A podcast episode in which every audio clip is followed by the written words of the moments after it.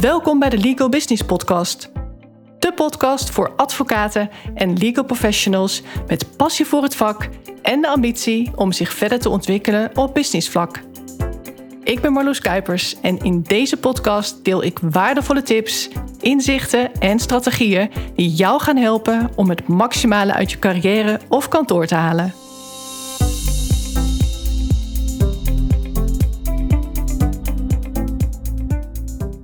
De vorige aflevering ging over geld. De money mindset van advocaten. En toen kwam ook uitgebreid dat uurtarief ter sprake. Ja, het uurtarief dat is natuurlijk het meest bekende verdienmodel van advocaten. En dat bracht mij meteen op het idee voor deze aflevering, waar ik het echt ga hebben over verdienmodellen. Want naast dat uurtje-factuurtje model zijn er nog veel meer opties. Wat is er dan nog meer mogelijk? Allereerst natuurlijk het bekende abonnementsmodel, oftewel het juridisch abonnement. Nou, een moderne kreet is weer het membership model. Nou, er zijn echt allerlei variaties mogelijk en ik heb zo eens om me heen gekeken. En wat zag ik dan zoal? Nou, jaarcontracten. Het is heel gebruikelijk om te werken met een jaarcontract, ook al wordt er maandelijks betaald. Dat is natuurlijk het membership model. En dan moet je denken aan bedragen van nou, bijvoorbeeld 200 euro per maand. Maar ik heb ook al 600 euro per jaar gezien. En nou zijn dat natuurlijk vanaf prijzen. Hè, want die 600 euro per jaar is echt bedoeld voor de ZZP'er. En dat loopt dan op tot nou, boven de 5000 euro bij de wat grotere bedrijven. Met 100 plus medewerkers. En wat je daarvoor krijgt is ook weer verschillend. Maar je moet denken aan een x aantal uren juridisch advies per maand of per jaar, een x aantal ingebrekenstellingen per jaar, een beperkt aantal documenten scannen, maar ook onbeperkt advies en klankborden. Dat heb ik ook gezien. Dus dan is er eigenlijk helemaal geen limiet. Vind ik behoorlijk risicovol. Maar je hebt ook de jaarlijkse quickscan die wordt aangeboden. Toegang tot standaard documenten en korting op extra uren die dus buiten het abonnement vallen. Je kunt dus echt op allerlei manieren invulling geven aan zo'n abonnementsmodel. Helemaal afhankelijk van jouw niche, jouw type cliënt. En je kunt het dus heel goedkoop aanbieden. Wat ik al zei, ik zag het vanaf 600 euro per jaar. En nog wel voor onbeperkt advies en klankborden. Maar ook wat meer premium. Dus vanaf 5000 of 10.000, you name it. Het kan alle kanten op. Maar ik moet wel zeggen dat de abonnementsvormen zoals ik die heb gezien, over het algemeen bedoeld zijn om goedkoper te zijn dan het uurtje-factuurtje model. In dat abonnementsmodel zitten vaak dus ook modelcontracten. Nou is dat ook al een verdienmodel op zich, die meer standaard contracten aanbieden als goedkoper alternatief voor maatwerkcontracten. Wat zich daarbij uitstek voor leent zijn natuurlijk arbeidscontracten, algemene voorwaarden en samenwerkingsovereenkomsten, mits het natuurlijk geen maatwerk vergt. En dat is meteen de vraag: wanneer behoeft iets geen maatwerk? Want dat standaard werk, dat druist een beetje in tegen de natuur van goede juristen. want het kan eigenlijk altijd beter. Dus dat maatwerk en dat aanscherpen, dat is toch iets wat je al heel snel doet. En als je dat dus doet als jurist of advocaat, dan gaat eigenlijk dat verdienmodel een beetje ten onder. Want je zit dan eigenlijk voor een veel te goedkoop tarief alsnog maatwerk te leveren. Dus dit verdienmodel is er wel eentje om echt mee uit te kijken. Een ander verdienmodel zijn onderhoudscontracten. We kennen dat natuurlijk van de cv-ketel, van autodealers, ventilatiesystemen, maar ook schilders doen het. Je ziet het eigenlijk steeds vaker, want dat is een heel slim verdienmodel. En hoe kun je dat nou inzetten als advocaat, jurist, notaris? Ik denk nu heel bewust aan het voorbeeld van de notaris, want huwelijkse voorwaarden en ook de wijziging daarvan, die dienen natuurlijk op straffen van nietigheid in een notariële akte te worden neergelegd. Dat betekent dat een gang naar de notaris een vereiste is. En aankondigen dat het weer tijd is om jaarlijks te verrekenen, is nooit een leuk gespreksonderwerp. Dus hoe fijn is het dan dat de notaris gewoon even een belletje doet? Dat hij zich even meldt, kan ook per brief, hoe dan ook, van hé, hey, het is weer tijd om even te kijken of alles nog hetzelfde is gebleven. Moet er nou iets gewijzigd worden? Dan is dit ook het moment voor die partner die iets geregeld wil hebben, om tegen de ander te zeggen: hey, we hebben een brief van de notaris. Het is tijd om weer wat te verrekenen. Alleen al het feit dat die partner niet out of the blue hoeft aan te kondigen dat het weer tijd is om een en ander te verrekenen, is iemand al heel wat waard. Dit is dus een mooi voorbeeld van thinking outside the box. Ja, iemand heeft jouw juridische expertise nodig, als notaris in dit geval, maar daarnaast heeft iemand ook nog een ander belang. En dat is het op een laagdrempelige manier bespreekbaar kunnen maken van dat verrekenmoment. Je neemt daarmee een bepaald moment van stress weg, als het ware. Bovendien is die reminder aan zich ook heel waardevol. Dus jouw dienstverlening kan ook echt verder gaan dan strikt het juridische. Goed om eens over na te denken. Dit soort onderhoudscontracten lijken aan de voorkant niet zo lucratief. En dat zijn ze op zich ook niet, als je puur kijkt naar wat je hiervoor zou mogen vragen qua geld. Dat zijn natuurlijk geen enorme bedragen. Maar je moet hier eigenlijk heel anders naar kijken. Zo'n contactmoment dat kijken of alles nog hetzelfde is, of er ook aanleiding is om dingen te wijzigen. Dat is echt het ultieme contactmoment.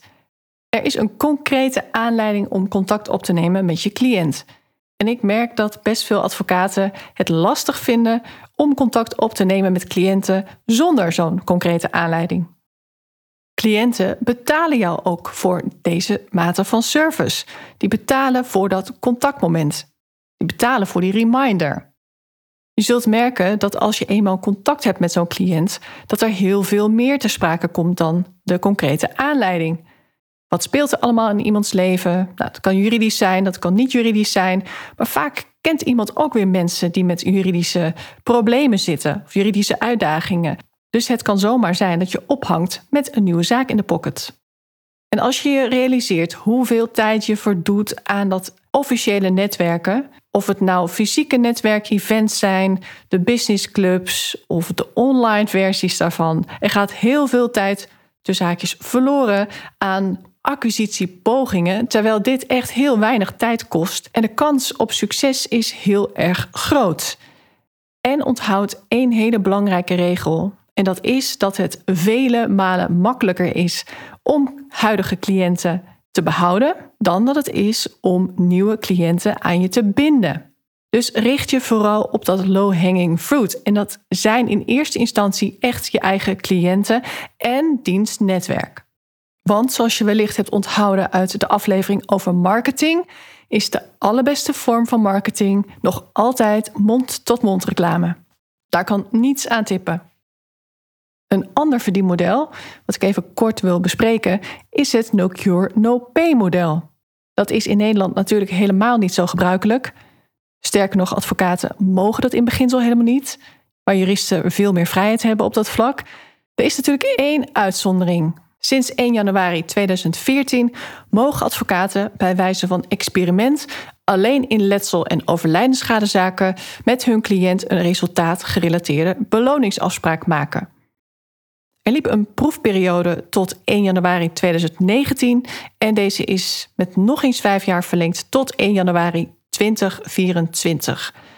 Nou, ik ben zelf natuurlijk letselschadeadvocaat geweest en ik moet zeggen dat er maar heel weinig gebruik van werd gemaakt. En op zich is dat ook niet zo gek, want waar vaak gedacht wordt dat dat no cure no pay model super lucratief is voor advocaten, is het tegendeel eigenlijk waar waar letselschadeadvocaten in Amerika gewoon een percentage van de schadeuitkering krijgen, waarbij het irrelevant is hoeveel uren er gemaakt zijn, geldt voor Nederlandse advocaten dat de hoogte van de vergoeding maximaal 25% is van de opbrengst van de zaak, oftewel de schadevergoeding. En wanneer de advocaat ook de externe kosten heeft voorgefinancierd, is het percentage 35%. Maar dit percentage geldt dus voor de daadwerkelijk aan de zaak besteden uren. Dus de declaratie mag maar max 25% van de hoogte van de schadeuitkering van cliënt zijn. En het is dus niet zo dat je bij een opbrengst van bijvoorbeeld 100.000 euro sowieso 25.000 euro krijgt. En dit alles moet ook nog eens in overleg met de deken plaatsvinden. Althans, als je voor het eerst op no cure no pay basis werkt. Kortom, het is nogal een gedoe voor de Nederlandse advocaat en het is een compleet ander systeem als in Amerika. Er is nog een andere variant en dat is no cure, low pay. Dus bij een slecht resultaat wordt een lager bedrag in rekening gebracht dan bij een gunstig resultaat. Je kunt dus eigenlijk stellen dat no cure, no pay en ook no cure, low pay gewoon varianten zijn op dat uurtariefmodel. Een heel ander verdienmodel is het DIY-model, oftewel het do-it-yourself-model. Dat heb ik even zelf zo genoemd, maar het komt eigenlijk neer op het e-learning-model. Oftewel, je creëert een kennisplatform waar je algemene juridische kennis deelt die je cliënten tot zich kunnen nemen, waardoor ze zich al tot een bepaald niveau kunnen redden. Het mes snijdt hier eigenlijk aan twee kanten. Want enerzijds is de cliënt hier enorm mee geholpen. Aan de andere kant zit je er ook niet op te wachten dat cliënten steeds bellen met dezelfde korte vragen.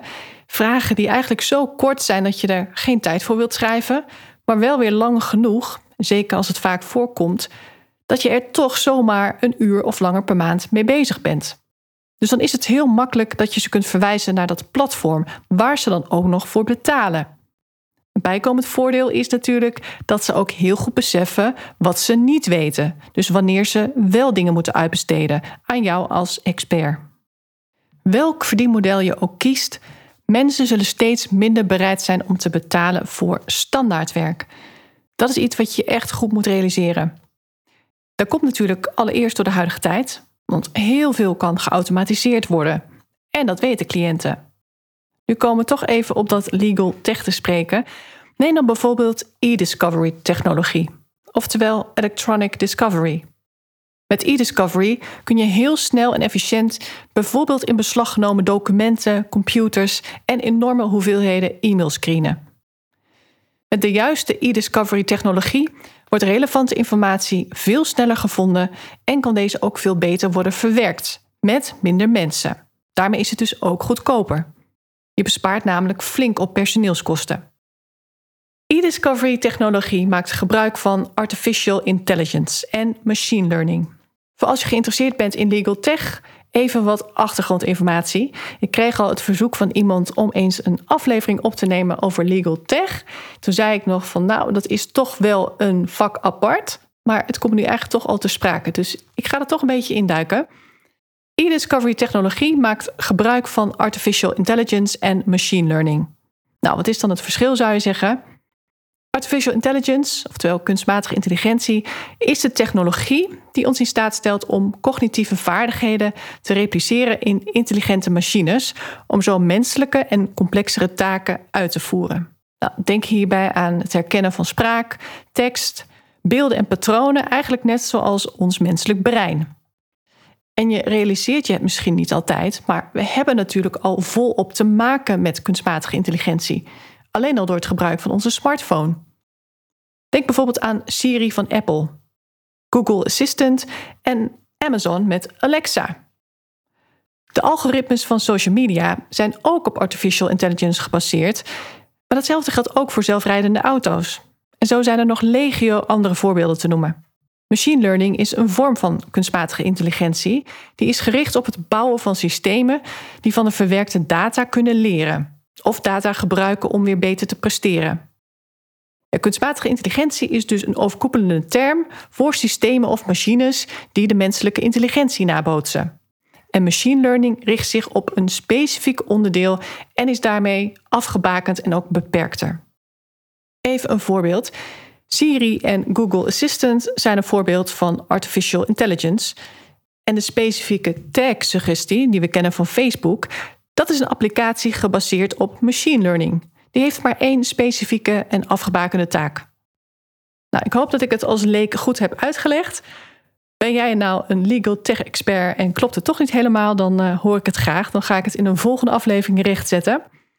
Maar even terugkomend op mijn punt dat voor standaard werk steeds minder betaald zal gaan worden. Want dat is wel een feit. Je zult dus vanzelf slimmer moeten gaan werken. En dat kan dus door gebruik van legal tech. Machine learning is bijvoorbeeld heel geschikt om in te zetten bij het verzamelen van relevante documenten voor MA-onderzoeken, voor due diligence of voor verslaglegging bij grote zakelijke transacties. Dat zijn allemaal tijdrovende processen waaraan ook nog eens veel risico's kleven als het met de hand wordt gedaan. Plus, het gaat gepaard met hoge kosten als dit volledig door medewerkers gedaan moet worden. Nou, ga dan maar eens concurreren met kantoren die wel gebruik maken van legal tech. Nog iets anders is dat dit soort klussen weer te complex en te belangrijk zijn om door mensen te laten uitvoeren met een nou ja, ondergemiddeld intelligentieniveau, zou ik maar zeggen. Je kunt dit niet met verstand opnieuw doen. Maar mensen met een bepaald intelligentieniveau, die willen dit soort standaard werk weer niet doen. Die weten ook heel goed dat hier anno nu hele goede technologische oplossingen voor zijn. Belangrijk om te onthouden van deze aflevering, en ik ben een beetje uitgeweken naar legal tech, maar kies allereerst een verdienmodel dat bij jou past. Bij jouw praktijk, maar ook bij jou als persoon. Hè, hoe wil je graag werken? En heel belangrijk, wat vaak wordt vergeten, toekomstgericht. Wat wil jouw ideale cliënt? Nu, maar ook over vijf jaar of over tien jaar. Denk vooruit. Plaats jezelf in zijn schoenen. En dat geldt ook voor jezelf. Hoe wil jij werken? Nu, maar ook in de toekomst. Ga je investeren in legal tech, dan doe je dat voor de lange termijn. Want dan pluk je er ook de vruchten van. En de tweede takeaway is dat je ook nog een andere keuze hebt te maken. Namelijk, kies je voor de massa door laagdrempelige standaard documenten aan te bieden. Dus die modelcontracten, die vaste pakketten met bijvoorbeeld een legal scan, een set algemene voorwaarden, model arbeidsovereenkomst, AVG-documentatie, etc., dan zul je moeten concurreren op prijs. En als je dat doet, moet je de goedkoopste zijn. Anders heeft het niet zoveel zin. Dus even heel zwart-wit gesteld, maar er zit natuurlijk wel een kern van waarheid in. En wil je dat, de goedkoopste zijn? Moet je dat willen? Zeker als advocaat moet je dat niet willen. Want mensen die op zoek zijn naar die goedkope oplossing, dat is een heel andere doelgroep. En eigenlijk ben je daar veel te hoog voor opgeleid. Jouw unieke talent, jouw goud, komt helemaal niet tot zijn recht met dat soort simpele documenten. En je zou dat natuurlijk kunnen aanbieden on the side. Dat zie ik kantoren doen. Maar de vraag is of dat de tijdsinvestering om dat allemaal op te zetten waard is moet je niet gewoon kiezen voor één type cliënt. Die gaat voor maatwerk en voor een hogere prijs, of de cliënt die gaat voor standaardwerk en dus voor goedkoop. Kies je ervoor om meer waarde te leveren, dan kun je daar weer mee onderscheiden in de markt. Door meer waarde te leveren kun je ook weer omhoog met je tarieven, omdat natuurlijk ook de waarde is vergroot. Maar zelfs bij het bepalen van dat ideale verdienmodel, of laten we zeggen het best passende verdienmodel, komt maatwerk kijken. En daarmee wil ik jou natuurlijk graag helpen, want dat is waarmee ik mij weer onderscheid van anderen. Ik heb echt heel bewust gekozen voor het leveren van maatwerk en daarmee ook voor premium klanten. In mijn geval ambitieuze advocaten en juristen die gaan voor de beste oplossing en die daar ook voor willen betalen. Ik ben eigenlijk wel benieuwd wat voor verdienmodel jij hanteert. Of wellicht heb je er meerdere. En passen die nog wel bij jou? Passen die nog wel bij waar je nu staat met jouw kantoor? En vooral waar je naartoe wilt met jouw kantoor? Wat is jouw visie voor over vijf jaar of tien jaar? Wil je mijn visie horen? Nou, je weet inmiddels waar je mij kunt vinden. En mocht je het nog niet weten, check dan even de show notes bij deze aflevering. Dankjewel voor het luisteren. Mocht je deze podcast waardevol vinden, abonneer je dan of volg mijn podcast zodat je geen aflevering hoeft te missen. En deel hem ook vooral in je netwerk. Ook zou je mij een groot plezier doen met een 5-sterren review die je kunt achterlaten op iTunes. Niet alleen wordt de podcast dan beter gevonden, maar je helpt ook weer andere advocaten en juristen in hun reis naar succes en geluk. Uiteraard vind ik het leuk om te horen wat je meeneemt uit deze aflevering. Stuur me een bericht op LinkedIn of mail naar info.marloeskuipers.nl. Heb jij bepaalde ambities en wil je weten hoe ik jou zou kunnen helpen bij het verwezenlijken daarvan? Vraag dan een gratis meesterschapscall aan via mijn website. Ga naar www.marloeskuipers.nl. Alle informatie vind je ook in de show notes bij deze aflevering. Ik kijk er naar uit om van je te horen. Tot de volgende keer.